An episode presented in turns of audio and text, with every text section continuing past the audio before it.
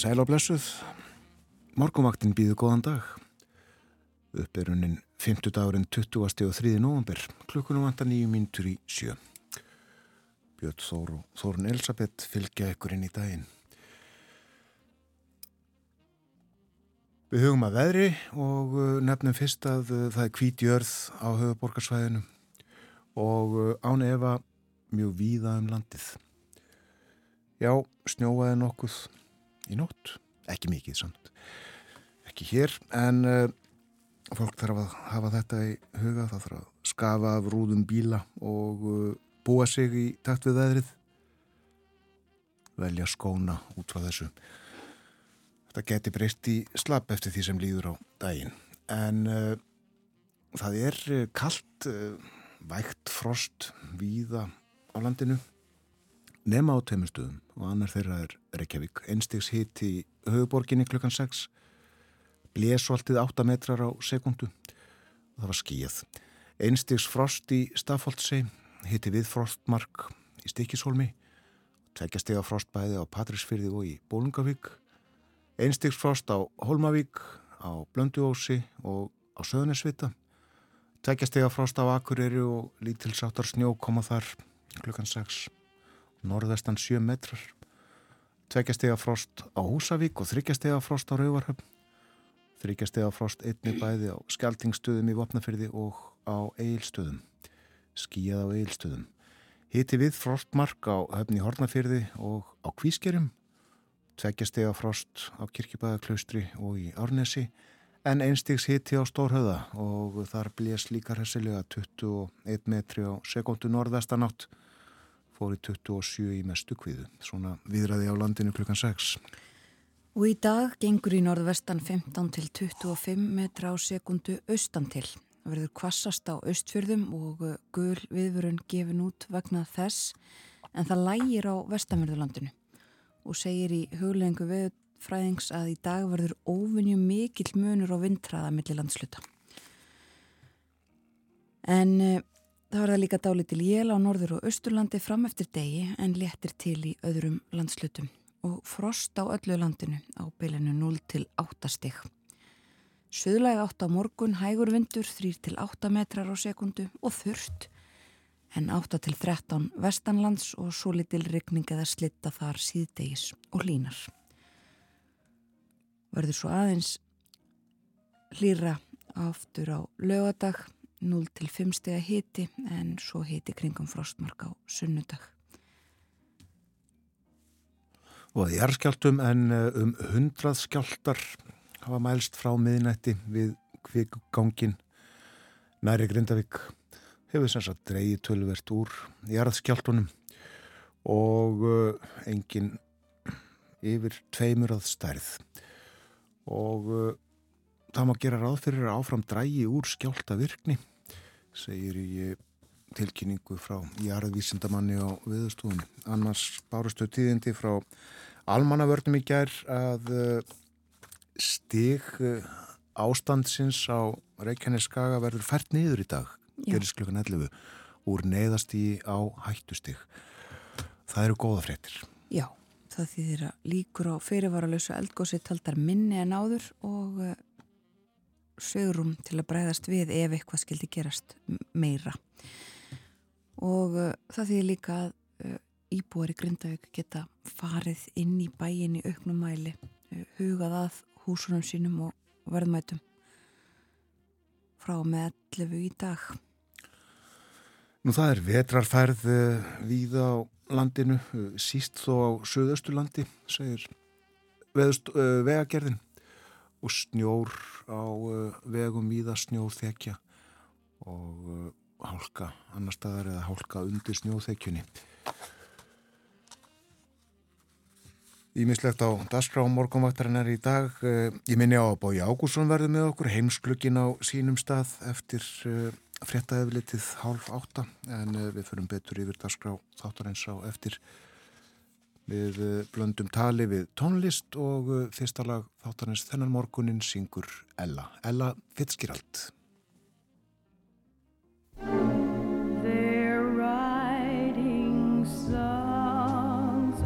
love but not for me.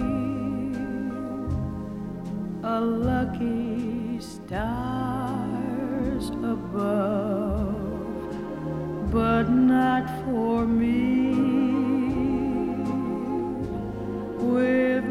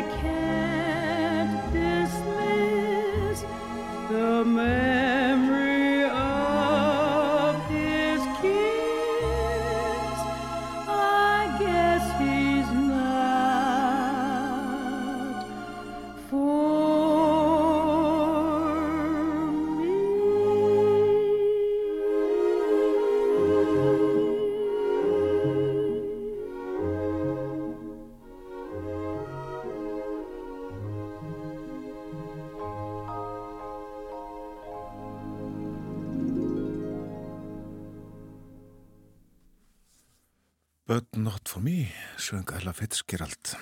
Þetta er morgunvaktin á rás 1, klukkunum vantar eina mínútu í sjö, eina mínútu í fréttir. Við förum yfir dagskráð þáttarins eftir fréttirnar og lítum í blöð, innlend og erlend, ný og gömul. Já, við erum til dæmis með eh, morgunblæðið, við erum með eh, blöð frá Norðurlöndunum og við erum líka með eh, fjallkonuna frá 1890. Meira en þetta allt saman eftir fréttirnar sem að koma þér eftir smástund.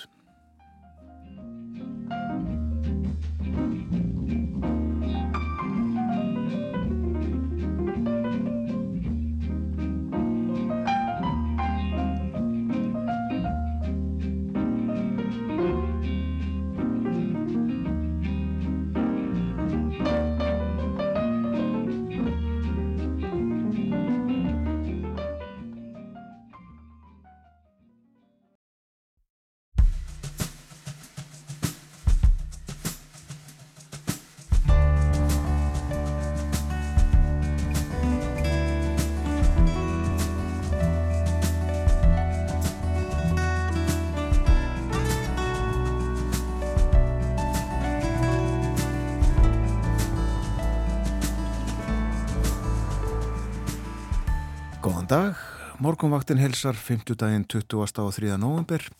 Björn Þór Sigbjörnsson og Þórun Elisabeth Bóadóttir eru umsjónamenn þáttarins. Argentína verður í brennideppli í heimsklukkanum upp úr klukkan halv åtta. Argentínumenn kusu sér nýjan forsetta á sunnudaginn, sá er af óhefðbundnara tæginu. Javier Milei er óheflaður til orðs og æðis eins og hástemt lofórð og kurrandi keðjusögu í kostningabaratinu síndu. Bói Ágússon fjallar um Javier með Helga Hrafni Guðmundssoni sakfræðingi sem hefur búið í Argentínu og þekkir vel til mála þar. Helena Sverrisdóttir er hætt keppni í Körubólta vegna meðsla, glæstur ferillir að baki 12 ára leikum sinn fyrsta leik með mestaraflokki Hauka. Íslands og byggarmestaratillarnir eru 10, landsleikirnir yfir 80, stigametin og viðurkenningarnar óteljandi. Helena var líka atvinnumæður í Slovakíu og Ungverilandi. Helena drekku með okkur morgunkaffið eftir fréttir klukkan 8. Og í síðasta hluta þáttarins verður Kristján Sigur Jónsson reitt stjóri túrista með okkur. Hann fjallar venjulega um ferðamál á förstutugum en kemur sem sagt til okkar í dag.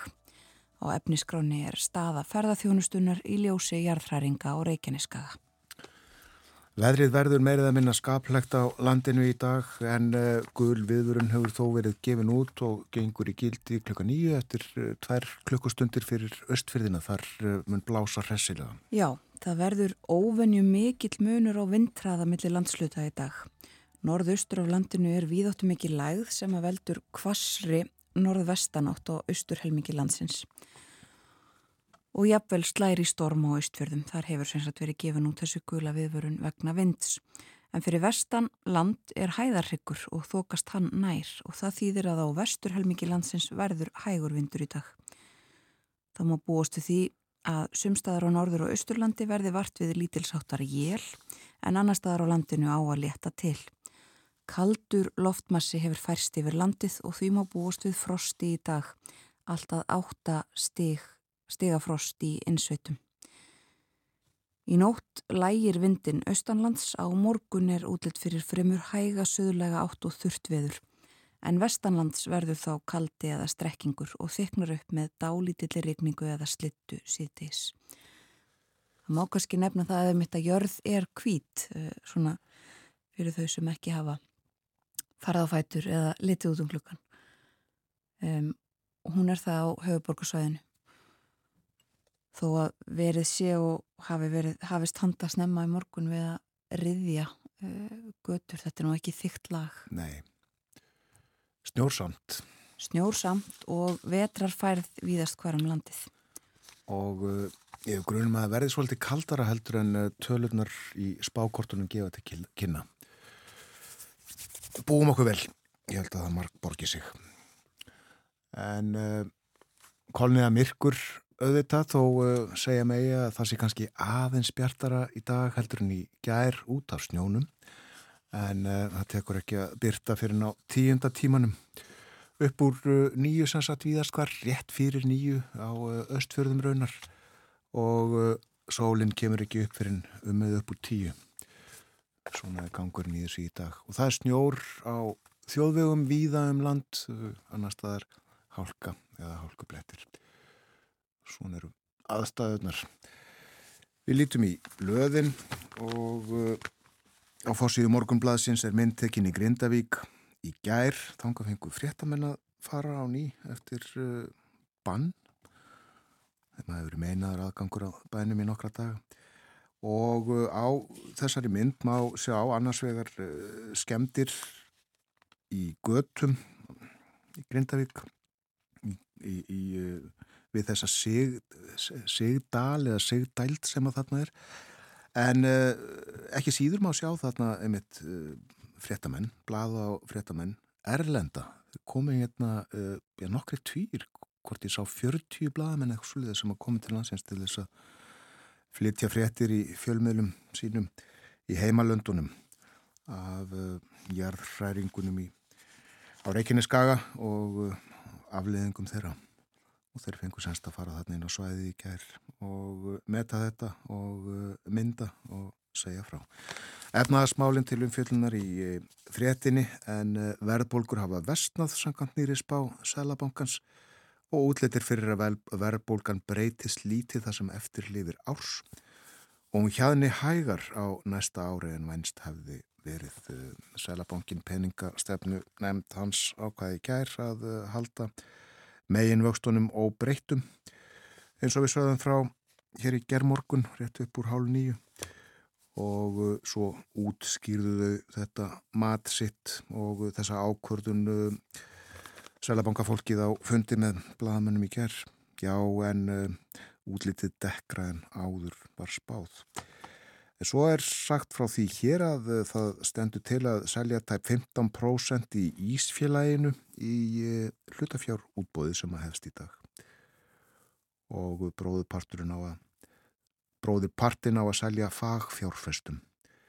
En eh, andvirði sölunar er um 16 miljardar króna. Það er fjallan þetta ítalega í morgumblæðinu í dag bæði í umfjöllun og svo er hérna auglýsing frá Ísfélaginu þetta allt saman morgunblæðið annars útfullt af auðvisingum eh, sem að ímist eh, eh, hafa slagorðin fast, svartur fössari Black Friday svartur föstudagur svartur föstudagur. Nú er það raut auðvitað þetta reynd en uh, þetta fyllir uh, síðunar bjartir dagar er hér auðvist líka og Black Friday svartur uh, jólagjafa markaður. Já, uh, þakkargjörðarháttíðin er í dag og í uh, framaldi hennar kom þessi tilbóðstagur först deginum og eftir. En nú er þetta orðin, já, meirið að minna Víku verslunatíð. Já, ég held að það hefur verið þannig að fyrst kom þessi förstudagur, svarti förstudagurinn, svo er eitthvað sem hefur verið kallað á íslensku stafarætt mánudagur, Já. sem er mánudagurinn eftir svarta förstudaginn en nú er þetta já orðin meirum en að vika. Það er ekki förstudagur í dag þó að allar þessar auglýsingar þekki síður morgunblasins Og þetta er svo sem jútarminu líka. Já, sannarlega. Og uh, það er líkt og með aðra tilbúðstag að það var talað um þetta uh, í fréttunum í gær uh, eins og við gerðum fyrir svo litlu síðan Líka rætt við Gró Einarstóttur félagssálfræðing um þessi mál, þessi tilbúð og það að fólk geti fylst kvíða yfir því að eh, vera að missa af einhverju stórkoslegu tilbúði Já, á þessum dögum. Já, það er stæði mjög slikt. Já, um, en þá er best að vera skipulaður og hún nefndi það að vera hægt að verslefti lista og uh, hugsa hvort að þið langi í hlutin þóan langaði í hann þó hann væri ekki á tilbúi. Væri til í að greiða fullt verð. En já þessir dagar uh, koma í kjölfar þakkargjörðar hátíðarinnar í bandaríkunum sem er uh, í dag. Og uh, við myndum staðins á það í gæri að það var vond viður sem hafiði áhrif á ferðalög. Þetta eru mestu ferðadagar ársins í bandaríkunum yðurlega e, eru það sem sagt þriðjudagur og miðvíkudagur fyrir þakkagjörðaháttíð og svo sunnudagurinn e, af henni lokinni. Og e, þessi þessir dagar þar sem að flestar flugferðir og aukuferðir eru farnar yfir 55 miljónir eh, sem að fara minnstakosti 50 mílur eða lengra í bílunum sínum. Og svo eru það flugferðina líka e, búið að taka þetta allt saman saman hversu margir, e, margar miljónir flugferða eru farnar. Og e, það er þannig líka að þetta ár hefur nú þegar verið met ár fyrir ferðalögu í bandaríkunum sjö af tíu uh, svona fjölförnustu uh, já, það, það má orða það þannig uh, dögunum í sögu uh, svona skráninga á uh, bílferðum uh, þeir hafa verið á þessu ári. Mikil bílaumferð í bandaríkunum en hátíðin já í dag og flestir vonandi að komast til síns heima það var uh, átti að verða komið ágettisviður í dag. En uh, þessi mál þó ekki á forsýðum bandarísku bladana sem við skoðum. Það eru um, þó minnst á uh, miklar skrúðgöngur sem eru haldnar í, uh, á þessum degi á fórsíðun á New York Times en á blöðunum er fjallað í aðalfréttum um, um vopna hlið stutta sem að búið var að tilkynna í gæra hefði verið samið um á milli Ísraels og Hamas. Það hefst ekki í dag eins og vonast hafi verið til. Um, gíslar sem eru í haldi Hamas og Gaza verða ekki frelsaðir fyrir ný fyrsta lægi á morgun áfram verða að ræða málin um, samkvæmt um, ísraelskum stjórnvöldum og undir það taka bandarisk stjórnvöld segja samkominlægið hafi náðust að sé bara verið að um, finna út úr svona eh, einhverjum smáatriðum.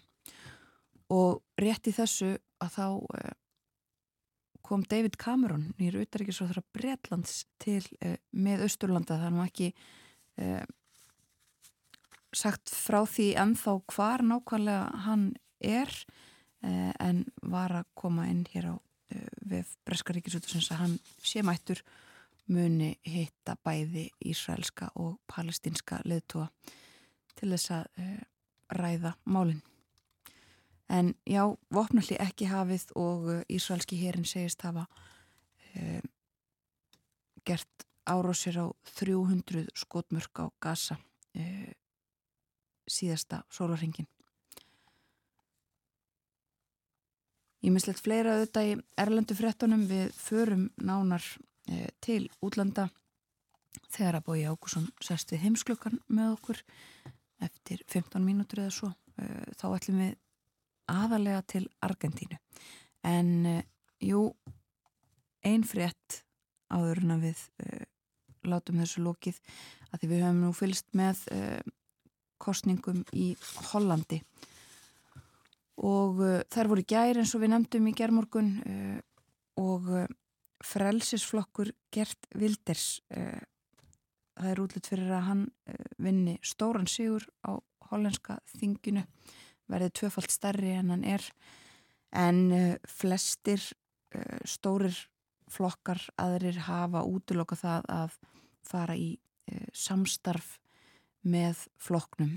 Þetta er öfga hægri flokkur um, og þrátt fyrir að hann og hans fólk hafi fagnað ákaft því að uh, útgöngusbá síni uh, 35 þingsæti í hollandska þinginu þá uh, er ekki vist að það verði hægt að mynda ríkistjórn það verður líklega erfitt en flokkur uh, rutti fyrirverandi fórsættir á þeirra tapar töluvert 11 þingsætum fær 23 samkvæmt þessari útgöngusbá Já, við fjöldum um Argentínu og eftir til efnið eh, fórsetakostningarnar þar á dögunum. Hafið er meðlei tekum við ennbætti 10. janúar, 10. desember held ég.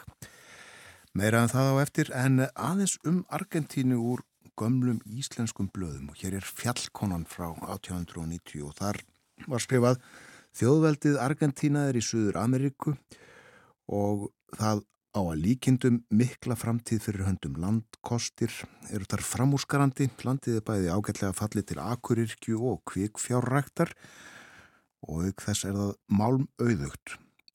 En landsmið þar sem annar staðar í Suður Ameríku eru sljófir og latir og mjög ólíkir Norður Ameríkumunum. Stjórnin í Argentínu er bráð ónýtt, ennbættismennir kúa alþýðina og umbóðstjórnin er öll í óreiðu. Hinn er einu duglegu menn í landinu eru enskir aðkomumenn og uh, þeim er það að þakka að járnbrautir hafi verið lagður um landið og flest öll framfara fyrirtæki eru byrjuð af þeim en þeim hefur þó ekki tekist að vekja landsmenn til nýtilegra framkvæmda og stjórnun hefur gert þeim svo erfitt fyrir með öll nýfyrirtæki að þau geta naumast staðist. Í Argentínu er engin járnsteipa, ekki einn einasti vefstól, þó að sé eitt ullar ríkasta land í heimi. Þó gnæð, málma, steinolíu og kóla sé í landinu er þar valla nokkur verksmiðja. Höfuborgin í Argentínu, Buenos Aires, er ekki einungis höfuðbær þess ríkis, heldur í raun allrar Suður Ameríku, þó að Brasilíu frátekinni og mestöll verslun Suður Ameríku gengur yfir Buenos Aires. Þessi borg er að sumuleiti hinn skrautlegasta í heimi. Hús eru þar að kalla öll úr marmara en ekki eru þau stór og borgin er afar víðáttu mikil. Strætin svo laung að mílum skiptir. Stjettir eru hlaðnar úr marmara og uh, golfi í húsum er skeitt saman úr allavega litum marmaraplötum. Trjáviður er þar dýrari en marmari en það eru óþrótlegar marmaranámur í nándi borginu. Og uh, setna var skrifað í þjóðolf um Argentínu. Landið er feikistórt, fimm sinnum stærra en Frakland í austurluta landsins eru beitilönd mikil og er kvikfjárrækt þar stunduð í stórum stíl. Í suðurluta landsins er kornirkja og vínrækt. Í norður héruðunum er loftslægið ágætt og landið frjótt en vestur héruðun eru þurrlend mjög. Þó er einnig þar mikil kvikfjárrækt og er það að þakka stórkostlegum vassveitum og öðrum mannvirkjum sem þar hafa verið gerð. Fólksfjöldin í Argentínu er nú um 5 miljónir, þetta var 1911, þá byggur 5 miljónir í Argentínu, en mönnum tel svo til að landið geti framfleitt um 100 miljónum. Ég held að það búi innan við 50 miljónir í Argentínu, 45 miljónir eitthvað svo leiðis. Og uh, að lokum sagt var frá því heimililsblæðinu 1923 fyrir 100 árum að uh, í Argentínu væru þá 10 miljón nöðgripir og það sagði fyrir rúmum 350 árum síðan voru fluttarðangað 8 kýr og 1 tarfur sem þessir nöðgripir allir eiga kynsi til að rekja.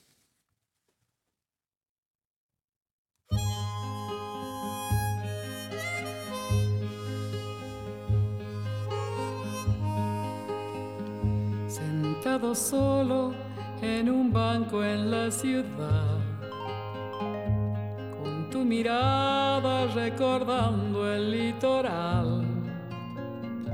Tu suerte quiso estar partida, mitad verdad, mitad mentira, como esperanza de los pobres prometida.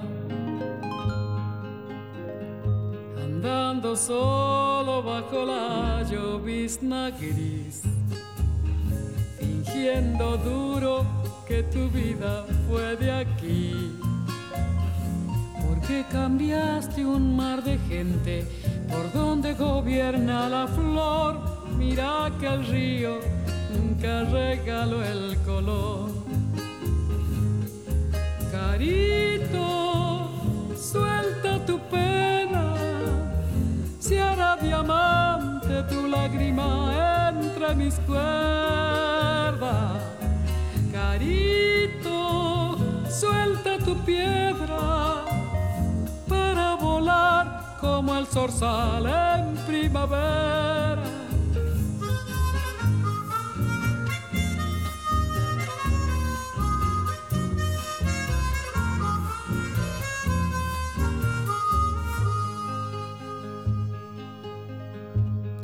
Buenos Aires los zapatos son modernos, pero no lucen como en la plaza de un pueblo.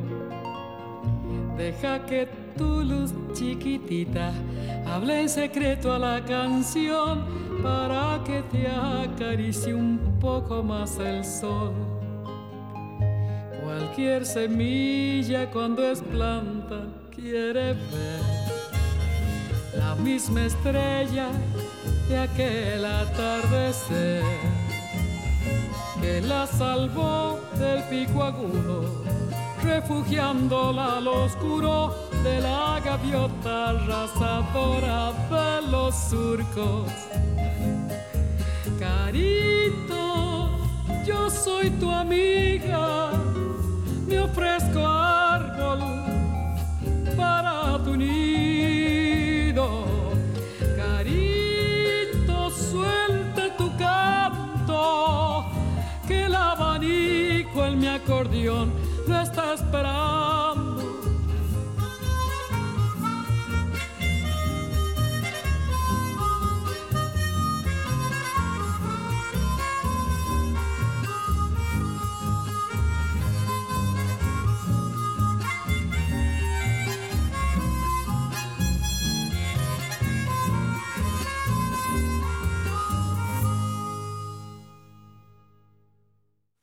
Hér var sungið á spænsku.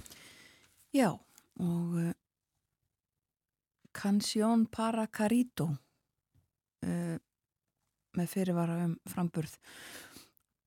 Þetta er uh, Mercedes Sosa frá Argentínu og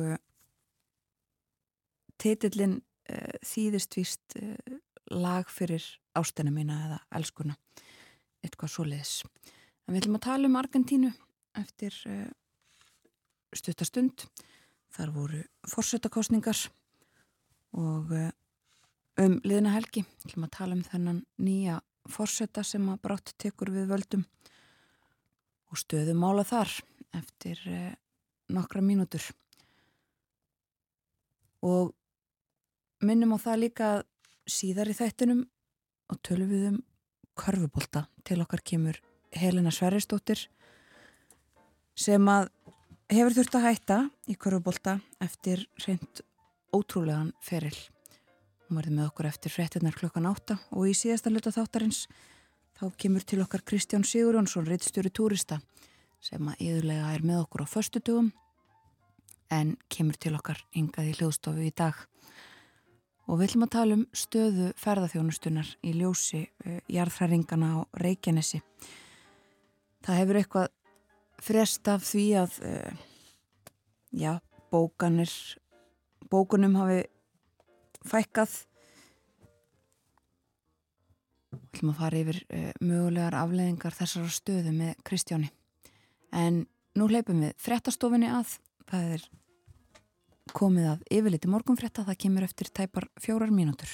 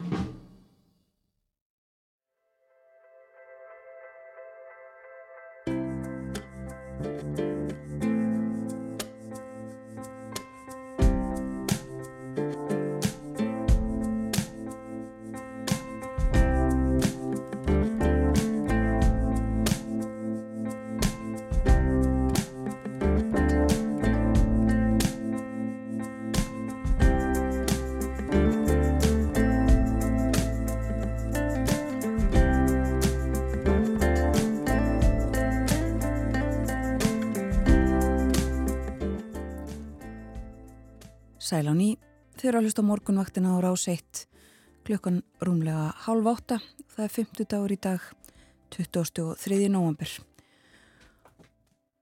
Og eh, eins og eðulega á þessum tíma dags og viku þá er komin til okkar bói Ágússon og sestur við heimsklukkan. Góðan dag.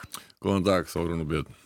Við ætlum aðalega að e, ræða eða fú um e, Argentínu en við ætlum að aðeins fara yfir aðrar frettir fyrst. Já, það hafa náttúrulega gerst ímistíðindi og við höfum kannski á, á öðrum tíma var í meiri, meiri tíma af, heimskluganum til þess að kíkja kannski ekki síst til Finnlands þar sem að Finnar hafa lokað öllum landamærastöðum nema einni uh, að Rúslandi og uh, Finnar segja að, um, að rússar séu að Já, þeir, það er svona giðið í skinn að nú séu rússar að hefna sín á, því, e, á finnum að vegna þess að finnar hafi gengið í NATO. Og að finnar genguði náttúrulega í NATO vegna þess að rússar réðust inn í Ukrænu og, og það breyttist afstað að finna á einni nóttu eins og stundum er sagt og mikil meiri hluti landsins var því fylgjandi að ganga í allarsarspandalagi þeir hafa búið með byrninum Eh, í mörg hundur ár og þeir vita að, eh, að þeir treysta þeir treysta þeim ekki eh, lengur og nú voru þær aðstæður þeir gengi í allarsvarsbandalegi eh, og nú er kannski komið að svona einhverjum hluta hemdar eh, sem að Putin Rúslandsfossiti lofaði þegar að finnar gengu þarna inn að þeir eru að beina telja finnar eh, flótta fólki að landamærunum. Uh, þetta fólk hefur margt komið á hjólum, hjólandi og ástandið eru þannig að finna að hafa lokað öllum landamæðarstöðun nema einni og þetta sama gildir að sumuleiti um Ísland þar hefur sumuleiðis verið mikil ásókn og finna að hafa leitað á sjár Evrópusambansins. Nú í Hollandi mm. Það er doldið gaman að fylgjast með, gaman og gaman ekki, það er áhugavert að fylgjast með úslitum kostninga hér og þar í heiminum í því sem að ég hef li, svona litið á sem ákveðin átök líðræðis og populisma. Uh, og við sáum að í Slovakíunu populistarnir og uh, við uh, sáum það víðar í Pólandi unnu líðræðisinnar en í Hollandi í gerðkvöld og þá bætti frelsisflokkurinn sem að er flokkur manns sem að heitir svo ég reyni að herma eftir hollenskum framburði Gert Wilders hann eh, hefur verið lengi á þingi og lengi í þessari baróttu og lengi í sömu skoðunar eh, lengi verið langt til hægri á móti innflytjendum. Og hann eh, saði í gerðkvöld að hann teldi að hollendingar bara vildu taka upp það að vera hollendingar ekki einhverju útlendingar og opnir fyrir öðrum sérstætt já og hann er sagt, á móti muslimum og hann er eiginlega á já þetta er svona söngur sem hefum hirt í mjög mörgum populistum já. og uh, það hefur nú stundu verið sagt að konungur populistana sé uh, fyrirhandi bandarækjafósiti Donald Trump en uh, kannski að nú sé komin uh, Vestanhafs annar konungur populista, það er að segja Javier Milei sem var kjörinn fórseti Argentínu á, á sunnudagin var. Eh, það verður ekki sagt annað heldur en hann sé mikill populisti. Og þú ætlar að ræða uh, Argentínu, málefni Argentínu næstu mínuturnar. Já, og það ætlum að gera með Helga Hrafni Guðmurssoni sakfræðingi sem að hingaði komin, kom bara hér við illa leik til landsins í gerðskvöld ekki rétt Helgi Hrafn. Jú, góðan daginn, ég er komin hérna lagsins, eh, það var svolítið óveður og, ve og vesen að komast en ég er komin. Já, og verður velkomin um, á morgunvartina og hérna í heimsklugan. Þú, uh, sagði mér, þú búið í, í áratög uh, í, í Argentínu og uh, náttúrulega gjörst ekki samfélagi, þú bæði stundan ám og unniðar. Já, ég var hérna svona í, í um tíu ár og hérna maður svona ég var í Búrins Æris þess sagt Já. og maður komst ágætlega svona inn í samfélagið. Frábær borg og hérna skemmtilegt fólk og sem tekur vel á móti hverju sem kemur. Þannig að maður kynntist landi, landi og þjóð mjög vel. Og nú hafa þér eh, tekið uh, sérlega vel á móti nýgræningi í pólitík.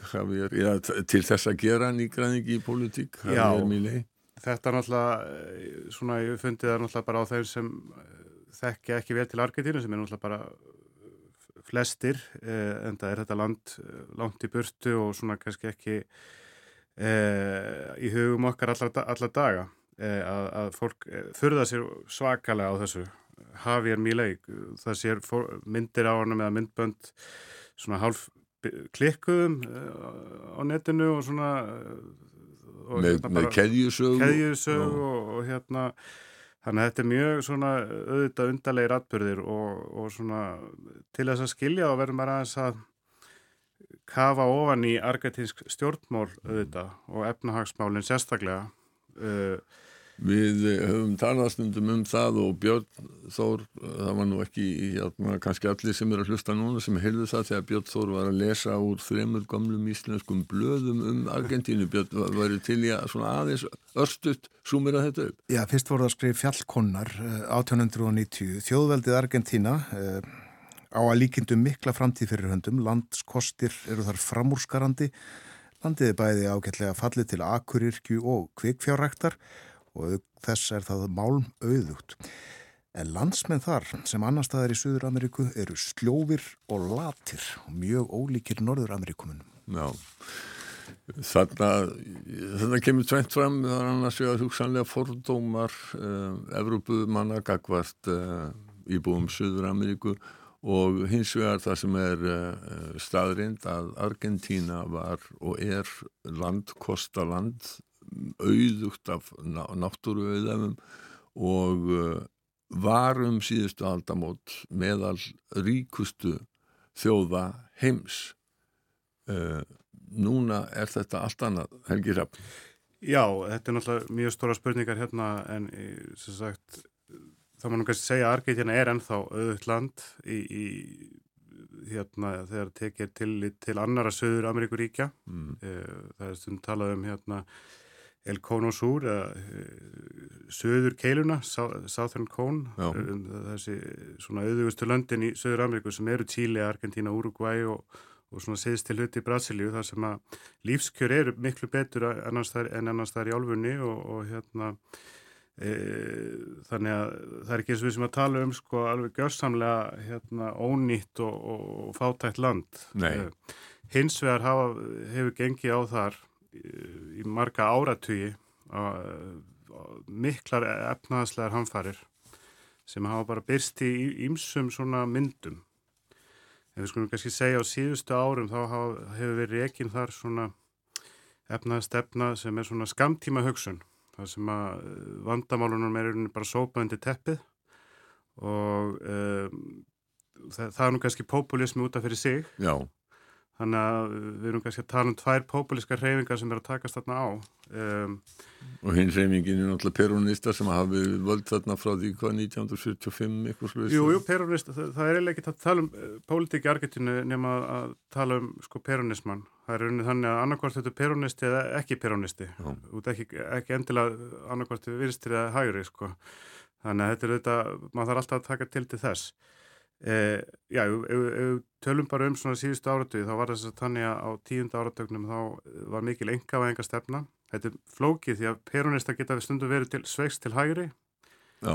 þar var svona hægri bilgja í peronistaflóknum það sem að Carlos Menem engavætti ríkisegur uh, og, og hérna það endaði með efnaðaskreppi 2001 sem margir munna eftir og Í kjölfar þess uh, reys svona upp alda, eða svona vinstri alda í peronistaflóknum með mitt og í landinu öllu og hún hefur eiginlega staðið síðan mm. og uh, í byrjun svona aldar þá var svona kannski tekið svo stefna að, að bjóða lánadrottnum og alþjóðlegum fjármálamörkuðum byrgin og reyna bara að hérna að standa vörð um ákveðna hluti, svona velferðarkerfi og, og, og, og slíkt í landinu. En þetta svona, þessi stefna hefur ekki gengið mjög vel og Argentína hefur bara ekkert fengið fjármagnir rauninni frá e, neinum síðan og hérna... Lítið sem engar fjárfæstingar ellendra... Raun ekki og það er bara, þetta er svona, það er eitthvað svona vendarhjúpur utanum hagkerfið og, og hérna þannig að þetta leittið þess að eh, Argetíska ríki er, er rauninni gjaldfráta og eh, gjaldmiðlinn ónýtur. Það er eh, um 200% verðbólka og mjög ströng gjaldirisöft þannig að segjum sem svo að, að hérna við hérna, byggjum í Argentínu og, værum að vinna þar bara í eh, venlegum störfum að, að hérna þú far greitt í pesóm en þú getur ekkert skipt þeim peningi út.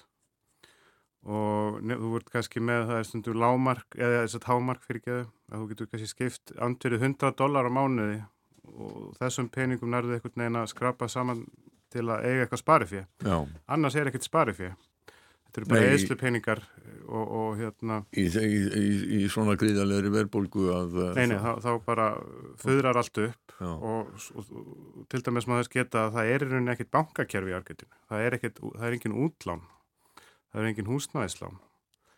Þannig að fólk nurla saman í dollurum og ríkt fólk á mikið að dollurum sem sagt, hjálpvel mm. bara í hérna seglabúndum undir kotta og heima á sér og í skattaskjólum. E, þannig að þetta er svona ástandi sem er í gangi.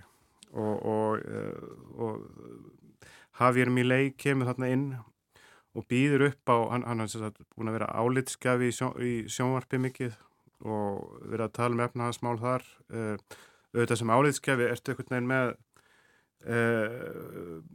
svona kannski meira frelsi til þess að bara viðra alls konar skoðanir og, og, og, og jafnvel bara vittlisu og hann hefur verið að gera það og kannski verið að bjóða fram þarna svona skyndi lausnir sem eiga sko núna loksins að laga þetta ástand. En hann alltaf er gjörsanlega þver ólíkum stað í pólitík en þeir sem hafa verið að stjórna landinu. Hann hefur líst sér sem uh, stjórnleisis kapitalista, anarkista en kapitalista Já, allir hann sér nú ekki fyrst og fremst sko það sem hann hefur uh, alltaf verið kallað bara frjálshyggjumadur uh, af austuríska skólanum. Hann vil bara hérna að ríkisafskipti séu sem allra minnst og, og hérna og vil þess að núna uh, þetta er náttúrulega, þetta er svo auðgakent, hann vil náttúrulega, hann vil núna enga væða rauninni allt og, og hérna til þess að komi veg fyrir að ríkið eigði um of bara að leggja það hálpartinn niður og það sem manni finnst svona ókvænlegt í þessu til dæmis er bara skólakerfi og, og helbreyðskerfið sem Argentina er þó með svona vísi að velferða kerfi og, og svo finnst mér sumt ótrúlegt, ótrúlegt það sem hann segir til dæmis að enga væði skuli hérna ríkis oljufyrirtækið og, og fleiri þessum dói sem manni finnst mjög svona eh, svona undarlegt. En, en svo veit maður ekki sko þetta, þetta getur verið, þetta er svona, svona dökk útgáfa af til dæmis eins og þegar Jón Gunnar var að tala um hjá okkur í bestafloknum að, að þetta vera ókipis handklæði og tolli við seltitanis. Hvað af þessu er bara svona per, performance og grín og, og svona... Ís, íspjörn í hústýragarðinu. Íspjörn í hústýragarðinu og allt svoleiði sko. Þannig að það, það kemur náttúrulega bara í ljós hvernig hvað þessu verður að veruleika. Og, og það sem að manni finnst, já hann er sem sagt vill banna þungunarof og ímis, uh, uh, svona atriði sem að, uh, sem að hann hefur verið að, að lofa og, uh, og segja alltaf að gera. En uh, sko svo við áttum okkur aðeins á Argentína, það búum 45 miljónir manna í Argentínu og eins og þú varst að segja að Argentína er ekki meðal fátækusturlanda heims eða fátækusturlanda Suður-Ameríku ásakið. Um, þó að efnaðarsástandi hafi farið versnandi og landi sér ekki e, jafn, ríkt hlutfallslega og það var fyrir 120 árum eða, eða svo. Uh, en þarna er uh, í meðal þessar 45 miljóna þjóðar þarna er uh, stór og öflug millistjett og fólki er vel mentað og þess vegna þess vegna spyrir maður sig já Núna eru 40% þjóðarinn að skilgreind sem undir fátaktara mörgum uh, en, og, og væntanlega margir háðir því velferðarkerfi sem þarna finnst. Uh, þá spyr maður sig af hverju kýrs þessi þjóð mann sem að vil leggja velferðarkerfið nýður? Einmitt og þetta er spurningin. Uh, þegar, kannski þegar fólk er mjög lang þreytt á ákveðna ástandi sem verðist engan endi alltaf taka og engin framtíð verðist vera í þá kannski verður það svolítið nýjungagjant. Það, það sér hérna eitthvað svona glænían uh, mann sem hérna talar uh, svona tæpi tungu laust um hlutina og hérna bara eins og við þekkjum með Trump og þá voru hann alltaf eh, læri millistjætt mikið til sem kaus hann og, og hérna, þannig að fólk er nú kannski endilega að hugsa þetta þannig. Ég held líka sko, að það er náttúrulega mjög alvarlegt þetta sem hann er að tala um að, að, að sko, sveia Argentínu aftur til hérna í, íhalds semi í, í, í málum eins og eins og hvað var það fóstureyðingar því, því að Argentina hefur náttúrulega verið í fremstu röð eh, í Suður Ameríku einmitt með að, að hérna að, til dæmis að leifa fóstureyðingar og, og, og hjónabönd samkynneður og allt, allt svoleiðis. Þarna geta hann kannski verið að tala inn í inn í svona hóp eh, svona hægri manna í, í landinu bara svona til þess að, að fá þá til fyrk, fyrkilags við sig sko. Og kannski rétt að geta þess að Argentina er uh, katólst ríki Jú, jú. að langmestu liti Já, já, akkurat, þannig að sko, eins og ég segi, þá kemur náttúrulega í ljós hva, hvað þessu verður að ver, veruleika sko, Mm. en hérna eh, þetta er ofbóðslegur svona viðsnúningur í öllum sko málum sem hérna Argentínumannum hefur fundist vera það svona mikilvægast að sko, það hefur svona verið haldið hlífiskildi yfir, þeim að það er bara fínt háskólakerfið þarna og, og hérna og eins og ég segi, eins og með ólífi fyrirtæki að þú veist, það hefur bara verið e, samþykja meðal fólk sem að það, það ætti ekki að vera að hrópla við þessu. Og það sem ég finnst undarætt að hvernig sko e- einni nóttu séu allt í hennu komin á sko kólu öfugan enda í þessu öllu saman. Svo, svo er einn spurning Helgi Hrafn. Uh, hún er hversu auðvelt á hann verð, verða fyrir hvað við erum í leiði að, að hrinda þessum breytingum í framkvæmt það er þing í Argentínu og hann og, bæði eh, þing og það er öldungadeild í þinginu og uh, hann eh, er ekki með negin, meiri hluta það það er, það er, það er örfáður þingmenn sem að styðja hann einmitt og ég held að bara að þetta verði bara fróðlegt og að sjá og, og þetta verður ekki jafn klikkað vona ég eins og hérna hann svona eh, reynir að- segja sko en, en hérna en enga síður þetta mjög alvarleg staða og, og hérna eh, þetta verður verð, verða fjögur mjög erfið áhrældi í Argentínu bara eins og var þegar Bolsonaro Já, var fósiti Brasilíu að, að, að þetta skapar svo mikil átök og, og, og spennu í þjóðfélaginu líka og hatur á milli sko fylkingana að það er eflast svo svakalega svo bara fylking Bolsonaros hún gerði eins og Trumpistarnir og reyðist inn í þingúsið þar. Já. Þannig að þetta skapar svona polariserað og, og eitrað andrúsloft Já, þannig að það er híklust hægt að líkjanum við Bolsonaro fyrir hundi fórseta Brasilíu Ég myndi nú ekki spyrja, ef, ef, Bolsonaro væri spurðu hver, hverja efnahagsstefnu hann væri eh, fylgjandi þá væri nú örgulega fátum svör. Mílei er náttúrulega hagfræðingur og, og svona er, er, er forhertur í, sína, í sínum sinni hagfræði en aður leiti já, þetta er svona þessi eh, mjög mörguleiti mjög svipað svona hvernig Bolsonaro kom fram og alltaf að hérna, loksins að, að hérna að, að þú veist Já, fara rót vandans sem, eh, hver sem hann nú er. Eitt af því sem að hefur verið svona kjarnin í þeirri stefnu sem að Milei hefur bóðað er að leggja niður pessun og taka upp dollara.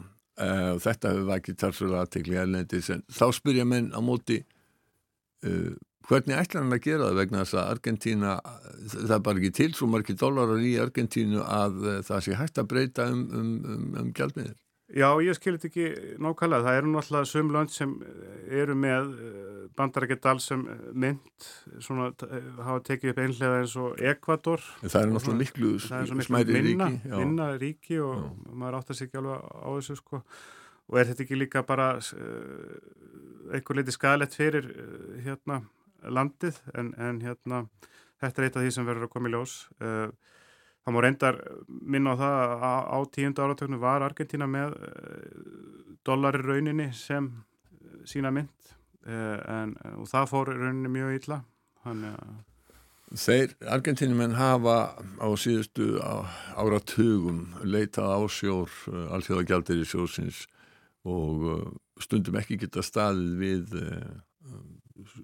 skuldbindingar sem að þeir undirgengust til þess að fá lán uh, Sérðu alþjóða gjaldir í sjóðan eða einhverjar erlendar stopnarnir sem einhvern mögulegan bjargvætt í þessu ástandi?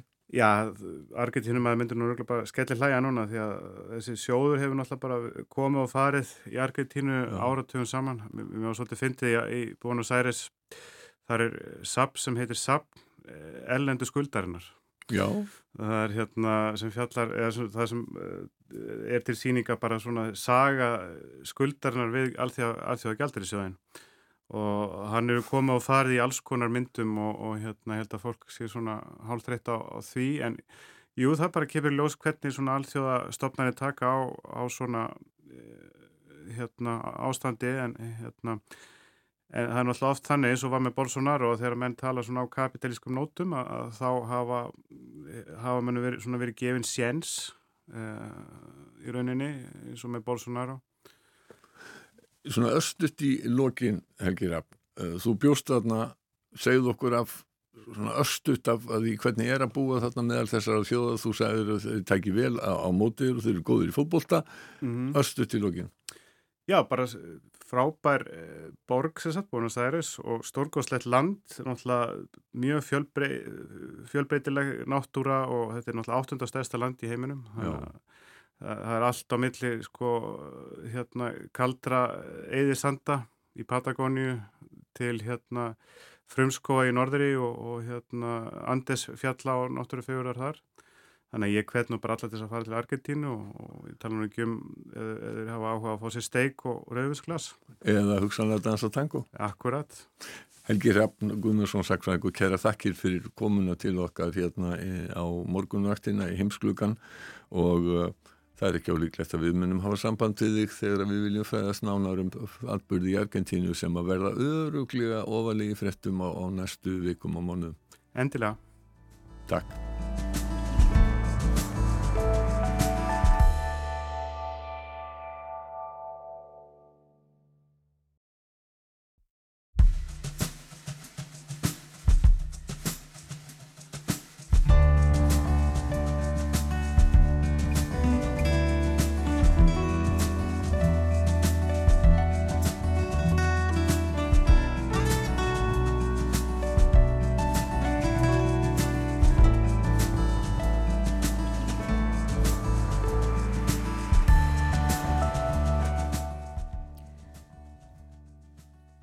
Áframheldur morgunvaktin á rás 1 klukkan tæpar 6 minútur gengin í nýju og það er 50 dagur í dag 20. og 3. november. Morgun frettir að baki og þar var farið vel yfir horfurnar, veður horfurnar og kannski rétt að geta þess að það er vetrarfærð víðast hvarum landið og þarf að hafa það í huga líka. Fyrir frettirnar var hjá okkur. Bói Ágússon settist við heimsklukkan og aðal umræði efnið þessa vikuna var Argentína, staðamála þar og Helgi Ramm Guðmundsson sagfræðingur sem að bjó um ára já, í tíu árið að svo í Argentínu var gestur hans. Þeir rættu ímislegt sem að við kemur þessu ríki um, sem að kauð sér nýjan fórsetta um síðustu helgi. Og svo minnum við á það að í síðasta hluta þáttarins þá verður með okkur Kristján Sigurjónsson, rittstjóri túrista. Venjulega er hann með okkur á förstu dugum en hann kemur hinga til okkar í dag og staða mála í ferðarþjónustunni vegna stöðunar á Reykjaneskaga í erðræringa. Þar verður aðal umfyllunarefnið í ferðarspjalli á óvinnilegum tíma þessa vikuna. En nú að öðru. Ég les stöðnan texta. Í vikunni hef ég beðið eftir fréttum sem ég grunaði að væru að koma en held í vonina um að væru ekki raunin. Á miðugudaginn fór ég í segulómskoðun á þessu blessaða vinstra hnið sem hefur verið til ama frá því að ég reif ytri liðþófa í Eurocup-leik á Azor-eigum fyrir tveimur árum. Staðin er núna þannig að vandamál með brjúskiðin hénu gerir það verkum að ég þarf að taka það ákverðun að hætta að æfa og spila korfubólta. Þetta skrifaði Helena Sværistóttir, afregskona í korfubólta á Facebook á sunnudaginn. 30 ára ferli er lokið. Velkomin til okkar Helena. Já, takk fyrir það.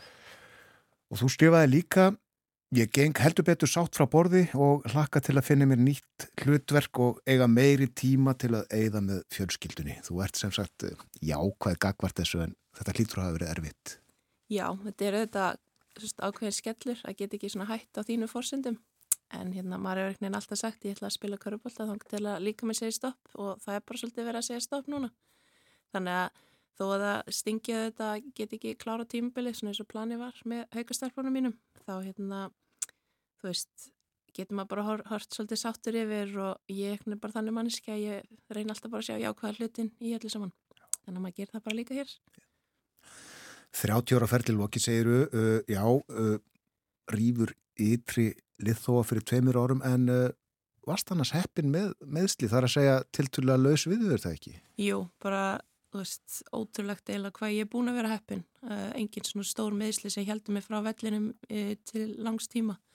Veist, snúin ökli hér og þar sem allir körbóltamenn þekkja en hérna svona heilt yfir bara ótrúlega heppin. Og síðan eila þegar ég rýf þennan, þennan lið og þá veginn, það hefur bara verið mjög erfitt síðan.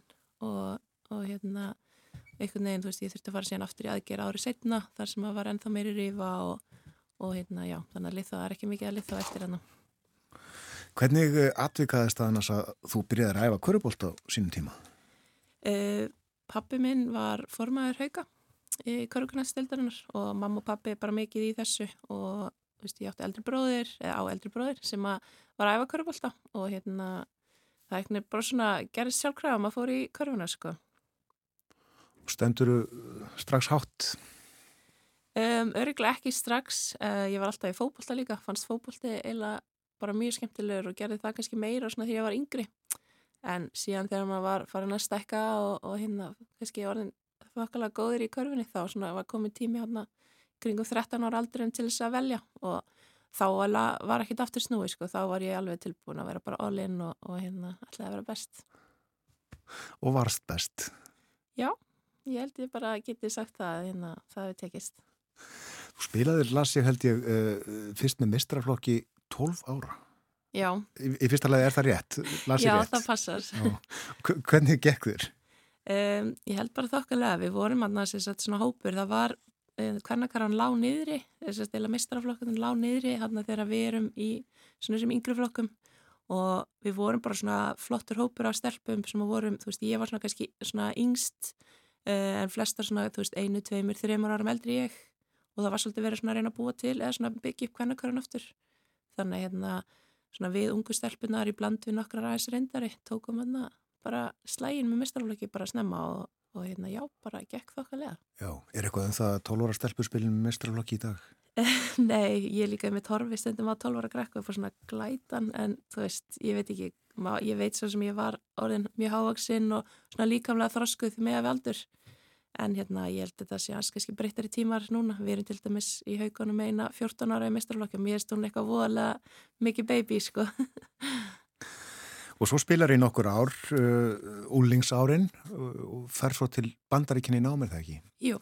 Hvernig var að koma þangað og, og vera í köruboltanum þar, háskólaboltanum? Það var bara algjör draumur. Ég var einhvern veginn bara strax 14-15 ára var ég búin að taka þessu ákvörðin, mér langaði að fara í háskóla. E, það stóð mitt að búa að fara að spila sem atvinnum með það strax í Európu og fór leiða svona á reynslu fyrir það 16-17 ára en hafði alltaf einhvern veginn áhuga frekar á að fara í háskólan og, og þannig að þú veist það var svona, það var svona lang, langur tíma þess að ég vissi hvert ég var að fara. Ég var svona ákveða skóla minn frekar snemma og, og búin að heimsækja nokkur sinnum. Þannig að hérna uh, kynist þarna bara bestu vinkunum minni bara degi eitt þegar við flytjum inn á heimavistina saman og, og hérna þetta var bara algjör draumur. Það er til gríðarlega miklu peningar þarna og ég var í svona ríkum engaskóla í Texas þar sem var alltaf til alls og og umgjörni í kringum þetta lið er bara ekkert sambarilegt. Nú er ég búin að spila sem aðtunumæður og, og líka einna heima, þú veist, það, er, það ber ekkert saman við þetta. Nei, bandar ekki auðvitað mekka korubóltans? Já, klárlega og, og, hérna, og bara allt svona utanumhald um, bara miklu meira og betra heldur en gengur að gerist og það er þá náttúrulega líka kannski stórun hluta vegna peningana, sko. Já, var ekki erfitt að yfirgefa bandaríkinn svona í ljósið þessa? Uh, jú, jú, að ykkur leiti en samt, þú veist, fjögur ár þú veist, einhvern veginn svona, þú veist, búin að útskrifast með háskólagráðin eina og svona svolítið tilbúin bara að taka stað við atvinnumennskuna, þannig að hérna um, ég, veist, ég fór alltaf hverju ári eftir ég hætti uh, og var alltaf eiginlega þrjár, fjóru vikur af því að veist, mér bara þykir mjög gott að vera þarna og, og bara múin að kynast þetta miklu mikið af fólki og svona mín önnur fjölskylda þarna í, í rétt fyrir utan skólan þannig að Þannig já, jú, það var alveg erfitt að fara en samt var ég bara svona frika tilbúin kannski fyrir næsta skrif. En þú mælið með Texas? Já, klárlega. Ég var í bæ sem heitir Fort Worth, eða borg, eh, sem er bara 30 myndu fyrir utan Dallas, þannig að þetta er svona stórt metroplex og mér leiði alltaf bara ótrúlega vel og það var líka alveg gaman að komast í svona fjögur ára bara sól og hýta og hérna og það var alveg smá ástæði fyrir að ég valdi þennan skóla, var að, að, að fá að prófa að búa þar sem að kaldasti mánuðurinn er kannski hettupeisa og þunnarbyggsir. Akkurat, eh, en þú sagt, spilaði ekki bara korubólta í bandrækjum, þú læriði líka?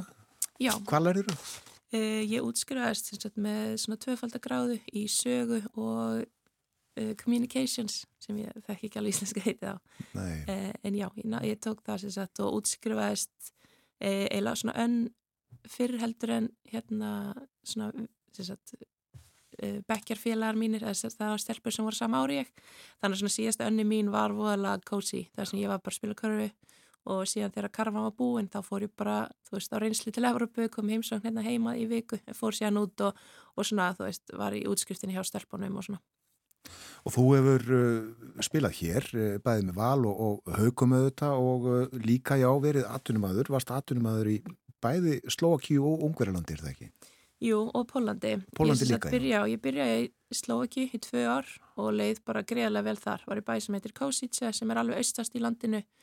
Uh, bara mjög flottur klúpur. Við vorum að spila í Euroleague sem er svona besta deildin í Evrópu, Evrópudeildin og uh, eigandin okkar var bara æðslur, bara kall sem var mikið í kringum okkur og hérna og já, bara svona mikið metnaður og, og vel gert, uh, vel haldið utan hlutina, þú veist, í klúbnum og síðan eftir þessi tvö ár þá hérna, var mér farið að langa að komast aðeins nær Íslandi þú veist að þegar við fáum tveggja þryggjata frí sem kannski gerst ekkit oft þú veist að geti eitthvað sér stokki í flug og komið heim. Um, en endaði síðan bara klukkutíma sunnar í Ungverilandi þannig að hérna já, var vissilega nær Budapest um eitt klukkutíma en það munnaði svo sem enguði með þessi flug. Mikill munur á korruboltanum í Östur-Európu og hér á Íslandi? Já, það er, hvernig eh, karvan er bara mjög sterk á þessu svæðum og það er þetta misjöfn liðin en þegar þú ert í einhverjum af þessum toppliðum þá eru bara, þú veist, það eru bara peningar í þessu, það er hérna vel gert, vel haldið utanum þetta og bara mjög svona, um, já, svona professional umhverfi bara. Og þú varst uh, slóakískur mistari, er það ekki? Jú, sko klúburinn sem ég var í, uh, við vorum bara eila langsterkasti klúburinn í Slóaki og við komumst langt í Európa-deildinni en svona heima fyrir þá voru við á svona einn annar klubur sem var uh, þokkalega sterkur sem tókuð þátt í Eurocup sem er svona deildin fyrir neðan uh, en síðan fyrir þetta þá voru við þú veist við vorum ofta að rústa þessum leikim síðan voru Európa-leikinni það var eitt solis í viku þú veist það voru svona erfiðari leikinir svo um helgar voru við að spila múti Slovaki klubunum og þeir voru svona aðeins veikari. Fimm sinnum Íslandsmestari, las ég það rétt? Já, ég held að passi. Og jafnátt byggarmestari Er alltaf gaman að vinna? Já, það er bara þessi tilfinning þegar þú ert búin að leggja eitthvað mikið, mikið undir og búin að leggja inn mikla vinnu að uppskera síðan með félögum þínum sem er, þið eru búin að gangi gegnum ansi margt saman. Það er bara eitthvað, eitthvað geggju tilfinning og, og svona dagarnir eftir að þú verður til dæmis Íslandsmeistari þá ertu bara okkur í skíi, sko. Það er allir á skæði til hamingju og, og já, þú ert bara lappandi um okkur í skíi. Er það uh, alltaf það sem þú stefnir að uh, á, á uh, hverju tíanbili, hverjum leik að vinna? Já, ég er bara mikið kættismanniski og ég held að flestir íþróttamenn séu, séu eins, sko, þú ert ekkert eitthvað að fara inn í þetta til þess að þú veist, ekki allavega á þessu leveli ekki til þess að fara bara að hafa gaman. Því langar þetta að ná árangri og hérna og þegar þú ert að setja svona mikinn tíma og metnað og vinnu í hlutina þá viltu þetta uppskýra Og þeir já eh, margir tillatnir eh, bæði hér á Íslandi og í útlöndum, einhverjir eh, svona eftirminnilegri en aðrir?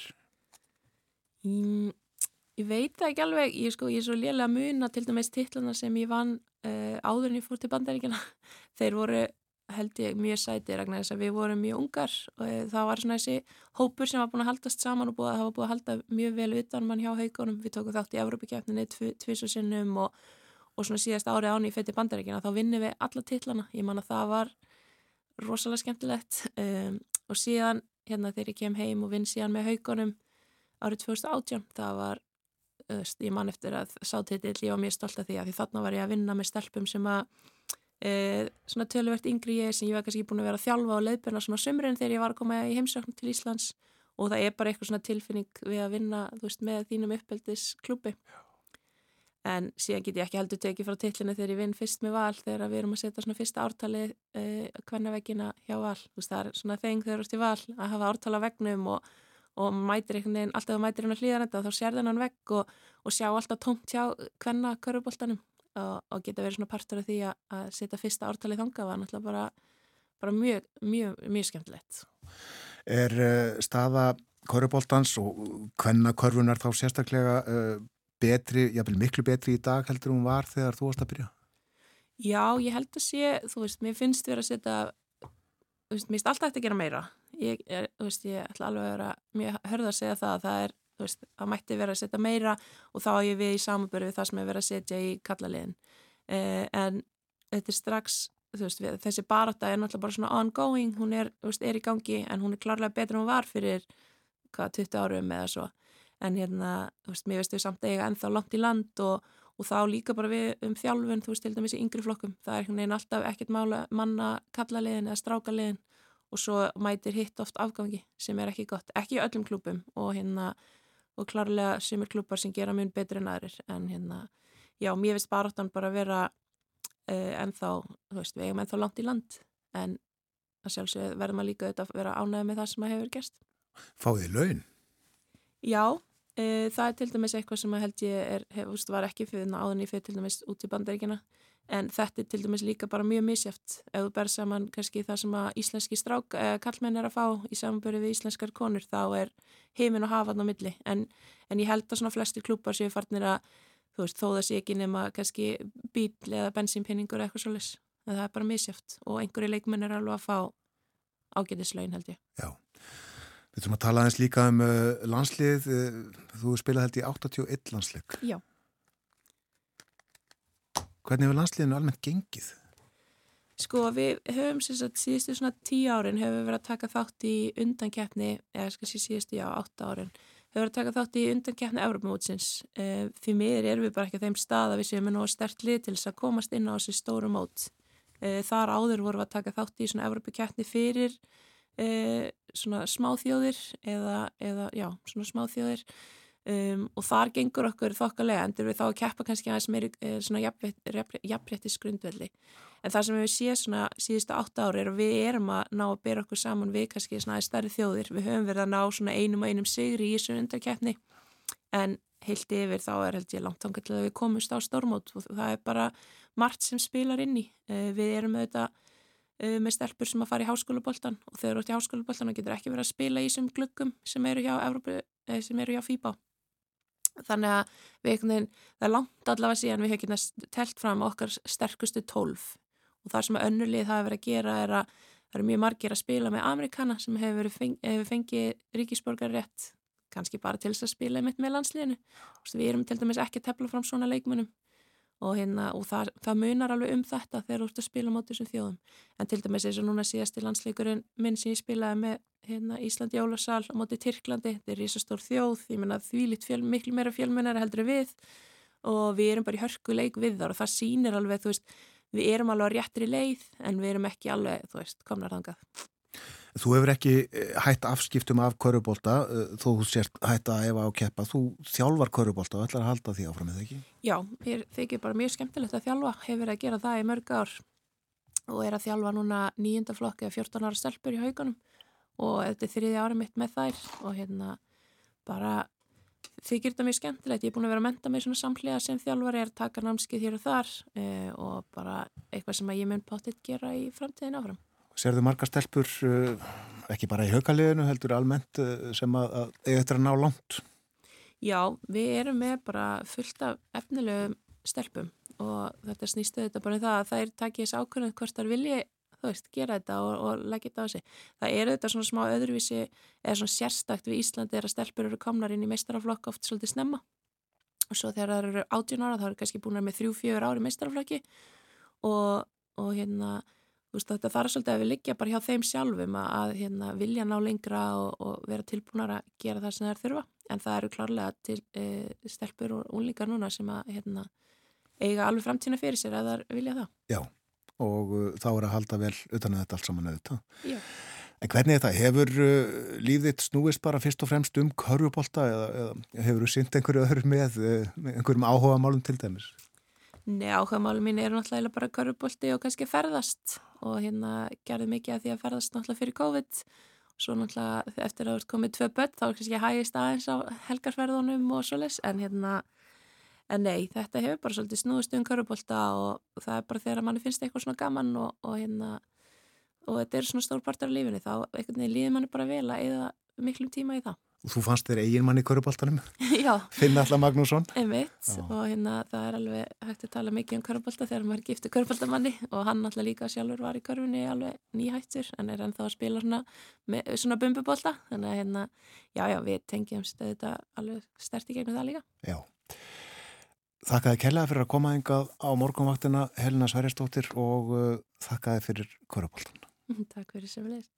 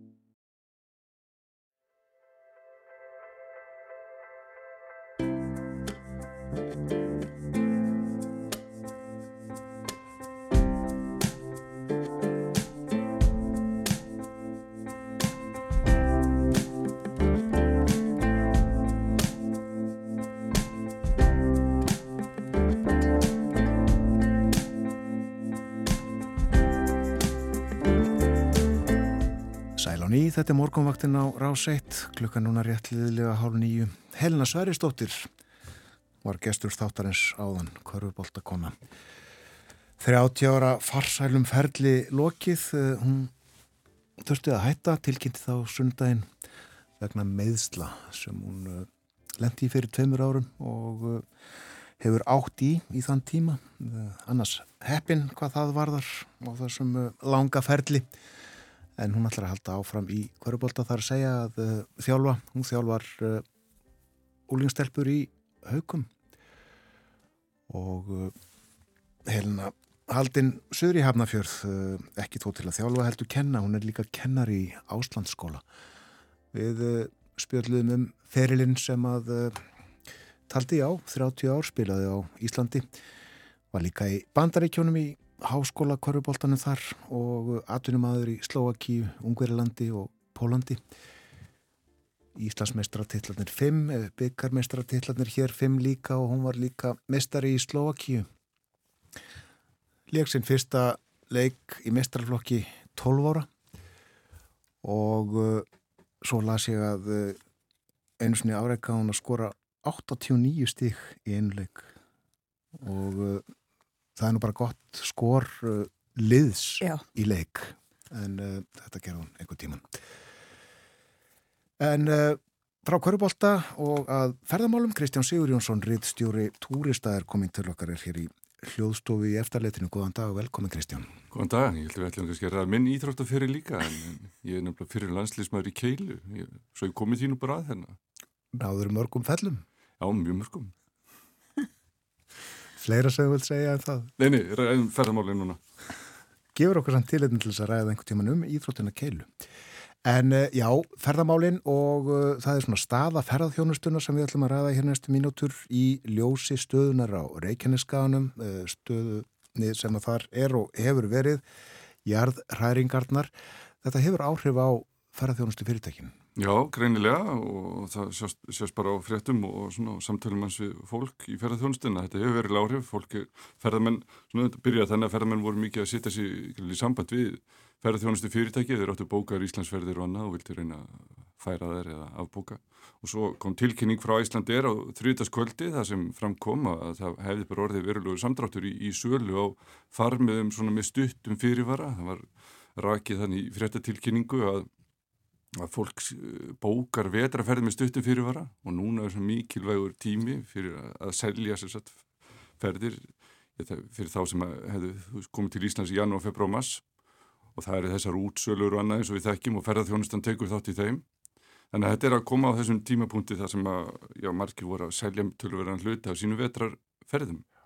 Og þetta hefur þá bara þessi slæm áhrif að það er þá bara verulegu samdráttur í, í kortánu kannski fyrir veturinn. Mart fólk sem ákveður bara að fara eitthvað annaf? Já, alveg öruglega og maður mitt velti því bara fyrir sér.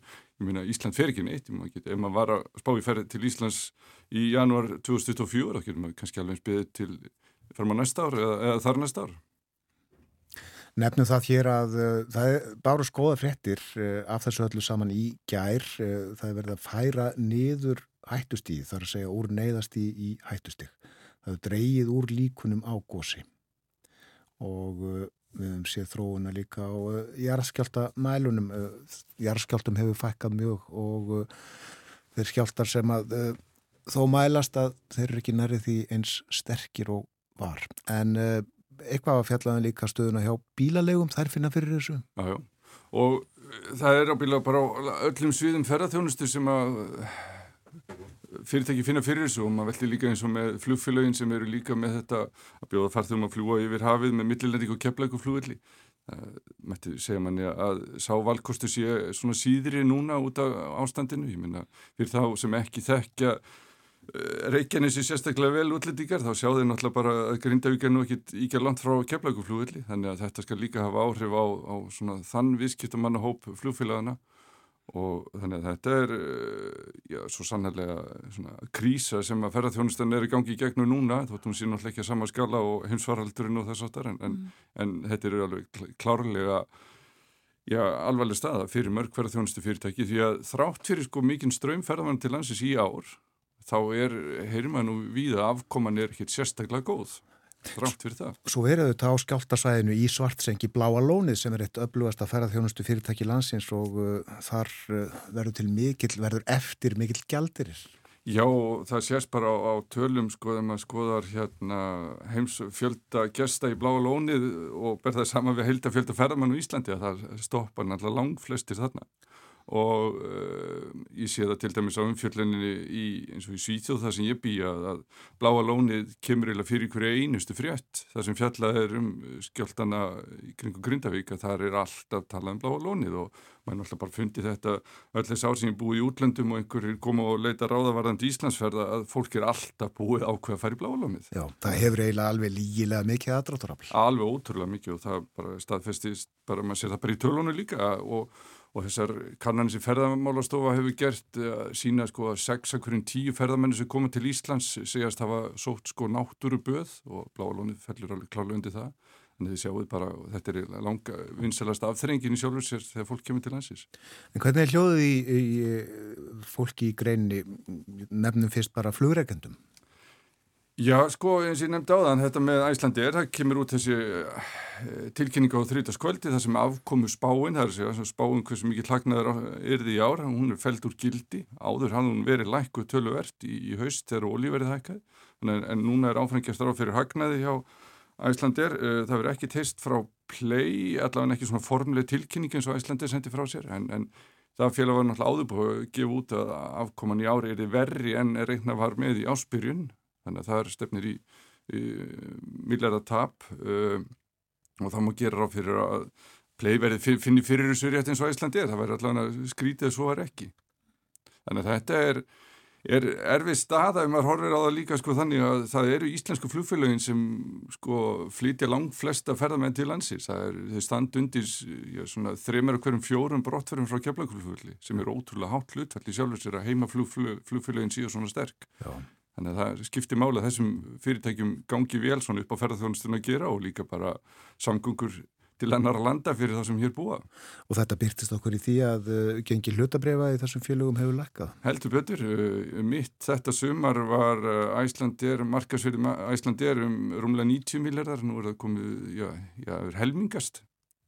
Þannig að það eru ekki litlar upphæðir, þannig að það eru örgulega margi fjárfæstarornir stressaður hvað þetta varðar og svo er áhugavert að velta fyrir sér ekki þegar ég ætla að búa til og mikið drama sko en, en eh, langstæsti hlutæfin í Æsland er sko bandarískur fjárfestikasjóður sem á um 18% og þessi sjóður er ekkert þekktur fyrir að vera einhver langtíma fjárfestir endilega heldur svona vil kaupa eitthvað og, og selja fyrir en síðar.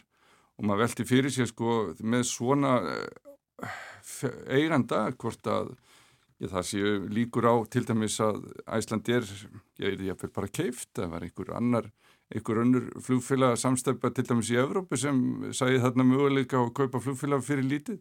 Mann getur farið út í svona vangaveltur því að það eru sko í Evrópu er talað um að það verða verða samþjöppun í flugkjörunum og við sjáum nýlegt dæmi að KLM er fransk eh, samstæpan er að eignast stóran hlut í SAS og það er talað um að Norvítsja norska flugfélagi getur runnið inn í eitthvað Portugals flugfélagi er því hluti af einhverju af þessu stóru samstæpum og því ekki bara Íslandir Já Við erum að hugsa þetta upp átt hérna. Algjörlega. En uh, við vitum það að hér eru uh, bísna ströng samkettnislög en uh, er engar hömlur á því hvernig fyrirtæki, flugfjölu þessu tilviki geta saminast yfir landamæri? Já, ekki innan Evrópu. Það er sem sagt, eignarhaldi verður alltaf evrósk flugfélög verða meiri hlutin í evróskum flugfélögum verður að vera í evróskara aðala. Það er að segja 51% verður allavega í bundið í hjá Evrópum búum. Mm. Þannig að það er einu hömlunar, þannig að bandarist flugfélag getur ekki tekið yfir, til dæmis, eða bandariski fjárfesta tekið yfir Æslandir eða, eða Play og þetta voru vangaveldur þegar að Váer var í samlinga viðra við bandarist fjárfestikafélag að hvernig eignarhaldið er því bundið við Evrópu.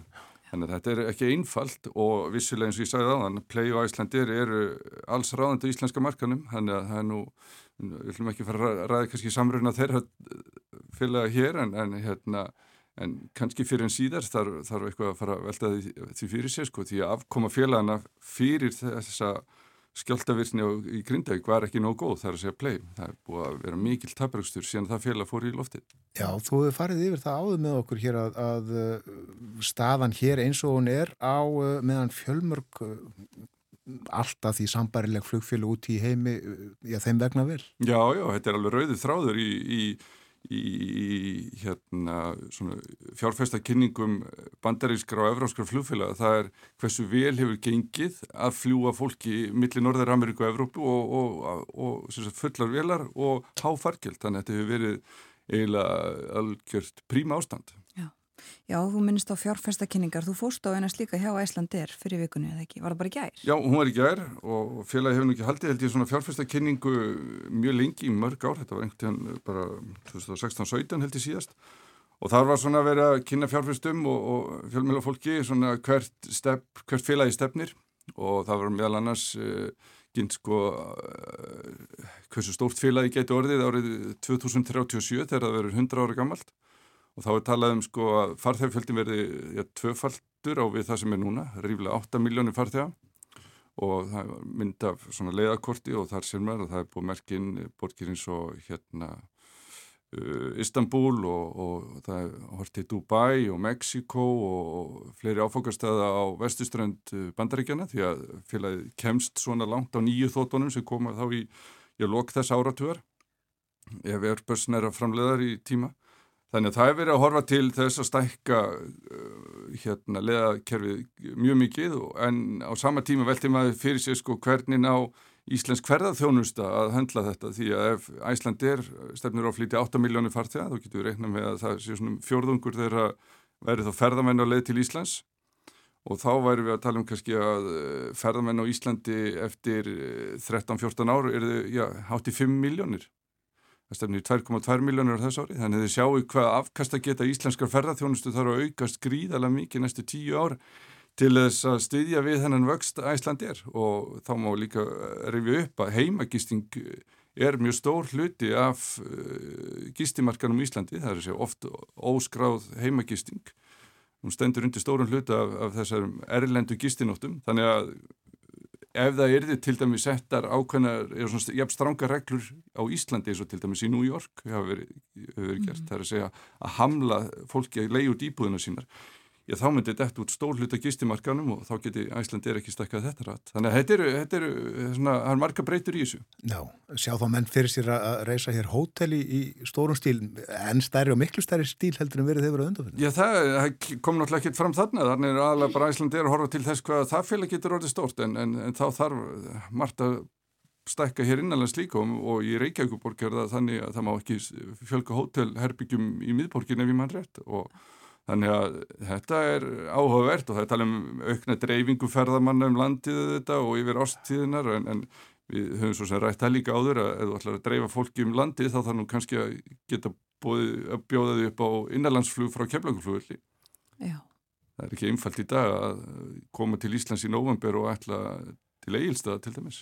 Áður með færri gesti heldur en nú eru hefur verið spurt er Ísland uppselt? Já, já, svo það og, og með svona hátt hlut að ferða mann í bílalegu bílum, Hva, hvernig ætlum við að halda því gatnikerfinu gangandi með 5 miljónir ferðamanna og lang flestir að ferðast um á bílalögbíl. Ég minna þetta eru spurningar sem að það er að velta fyrir sér og, og sama tíma hefur er verið að kynna á við um ferðmálar á þeirra svona ferðamála stefnu til ásins 2030 þar sem er verið með þetta ræða aðgangsstýringu og magnstýringu til dæmis við vinsæla áfokastæði til að takmarka fjöldan sem er ákveðnum stöðum og, og það er þá annað sem kannski dregur úr þessa, því að þessi framtíða sín stjórnenda Íslandi er rættist. Já, ég hafi ekki forsvarsmenn flugfélagana eða allavega play emitt eh, líka tala svolítið um þessa aðgangsstýringu og, og mögulegan á henni. Jú, eða það er svona almennt talað um, jú, að það væri kostur að, að takmarka þann fjölda sem er á þessum vinsælustu stöðum en, en, en hérna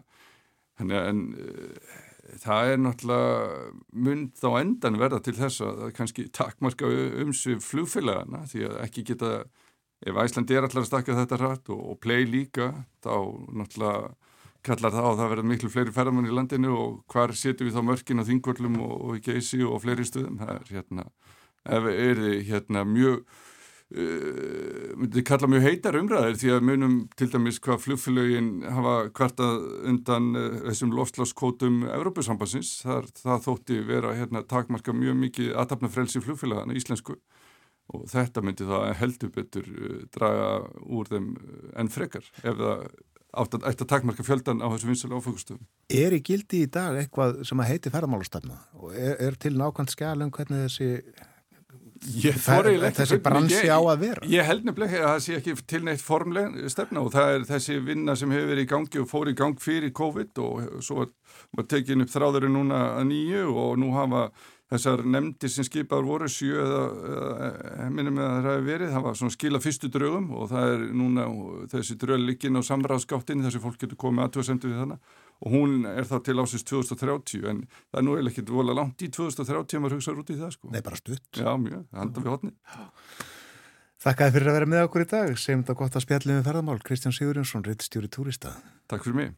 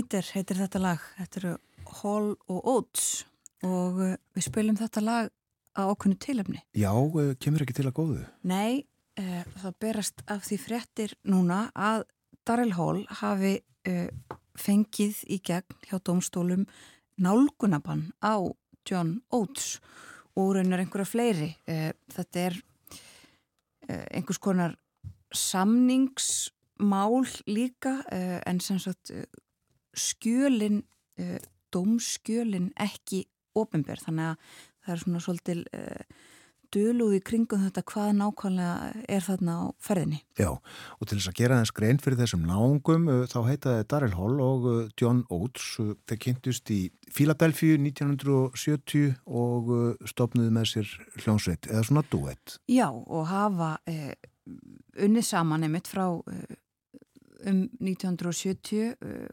gefið út átján plötur saman á tímabilinu 72 til 2006 og uh, eru sem sagt uh, búinir að vera uh, saman en líka gefið út í sikkurulagi allan þennan tíma. Um, og þeir eiga alveg þó nokkra smelli.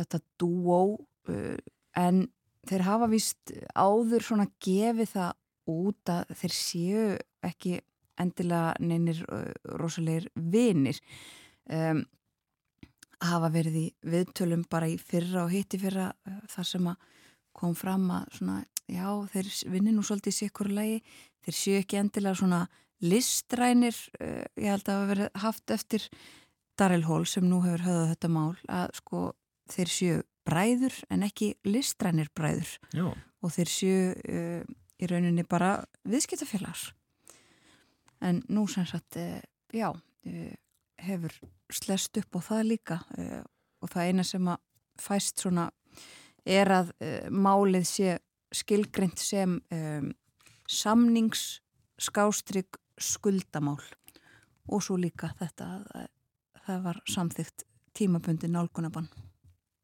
Ekki gott. Nei. En þessu eru ljúka hjá okkur hér á morgunvaktinni í dag. Já, leiðilt að þurfa að ljúka þessu með, með svona slemmum fréttum, leiðilugum fréttum. Ef við þá ekki bara ljúkaði á að minna aftur á að, að það hefur verið uh, ákveðið að færa Grindavík af neyðarstíi niður á hættusteg og það þýðir að fólk munað óbreyttu geta farið heim til sín að sækja hluti og huga betur að eignum sínum þar uh, frá klokkan 11 í dag. Þá tekur þetta gildi. Nefnum líka uh, þessa aðgerð bankana sem að tilkynnt var um í gær til landa grindvikingum. Já, uh, feldir neður vextur og verðbætur og bóðuð upp á að frista uh, annað held ég, lánin og ætti að gefa grindvikingum meira sögrum sem og þetta frumvarp sem að verið er líka að ræða og, og fara yfir í þinginu um laun handa grindvikingum og þessar aðgerði bankana í takt við það sem að grindvikingar óskuðu helst held ég hefði séð í fréttunum. Morgunvaktin er lokið þennan 50 morgunin en hún verður á sínum stað í fyrramálið eins og alla virka morgna. Við þakkum samfélgina í dag Björn Þór og Þórun Elisabeth. Hún er með njóti dagsins. Verðið sæl.